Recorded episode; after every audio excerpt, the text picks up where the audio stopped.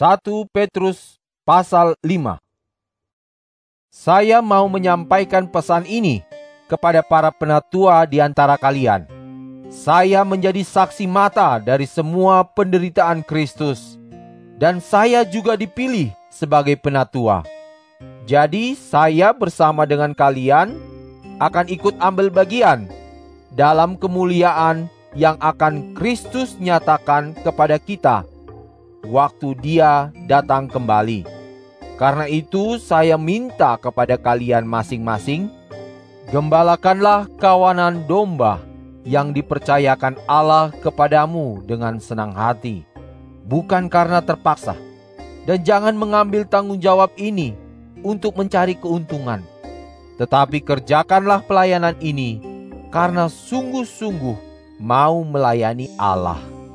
Jangan kamu menganggap diri sebagai raja atas kawanan domba yang sudah Allah percayakan kepadamu, tetapi jadilah teladan bagi mereka.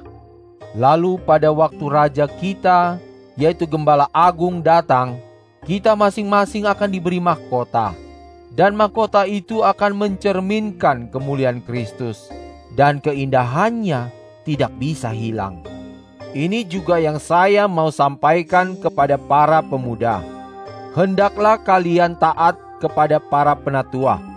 Tunjukkanlah sifat rendah hati kepada semua anggota yang lain, karena Allah melawan orang-orang yang sombong, tetapi Dia baik hati kepada orang-orang yang rendah hati.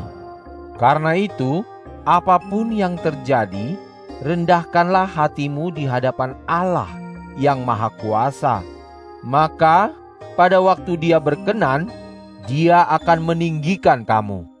Serahkanlah kepada Allah semua masalah yang membuat kalian khawatir, karena Dia peduli terhadap kalian.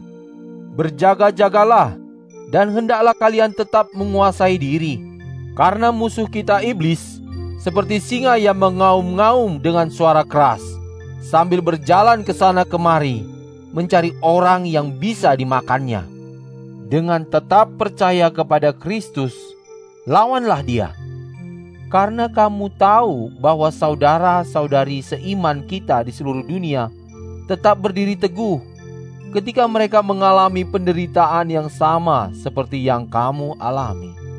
Memang penderitaan yang kita alami sekarang ini hanya untuk sementara saja tetapi karena Allah selalu sangat baik hati, Dia sudah memanggil kita melalui Kristus untuk ikut ambil bagian dalam kemuliaannya untuk selama-lamanya. Sesudah kita menderita untuk sementara waktu saja, Dia sendiri akan menolong, menguatkan, memulihkan, dan memberikan semangat yang baru kepada kita. Dialah yang berkuasa sampai selama-lamanya. Amin. Saya menulis surat yang singkat ini kepada kalian dengan bantuan Silas, yang saya anggap sebagai saudara seiman kita yang bisa dipercaya. Maksud saya menulis surat ini adalah untuk menguatkan hati kalian dengan meyakinkan bahwa Allah menunjukkan kebaikan hatinya kepada kita melalui apa saja yang kita alami.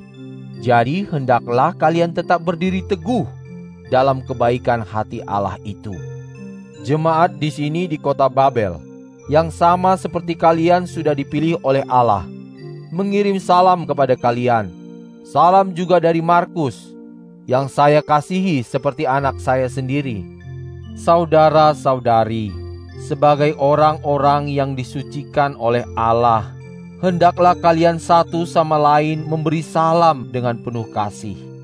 Kepada setiap kalian yang bersatu dengan Kristus, doa saya, kalian akan selalu hidup dengan perasaan tenang dalam perlindungannya.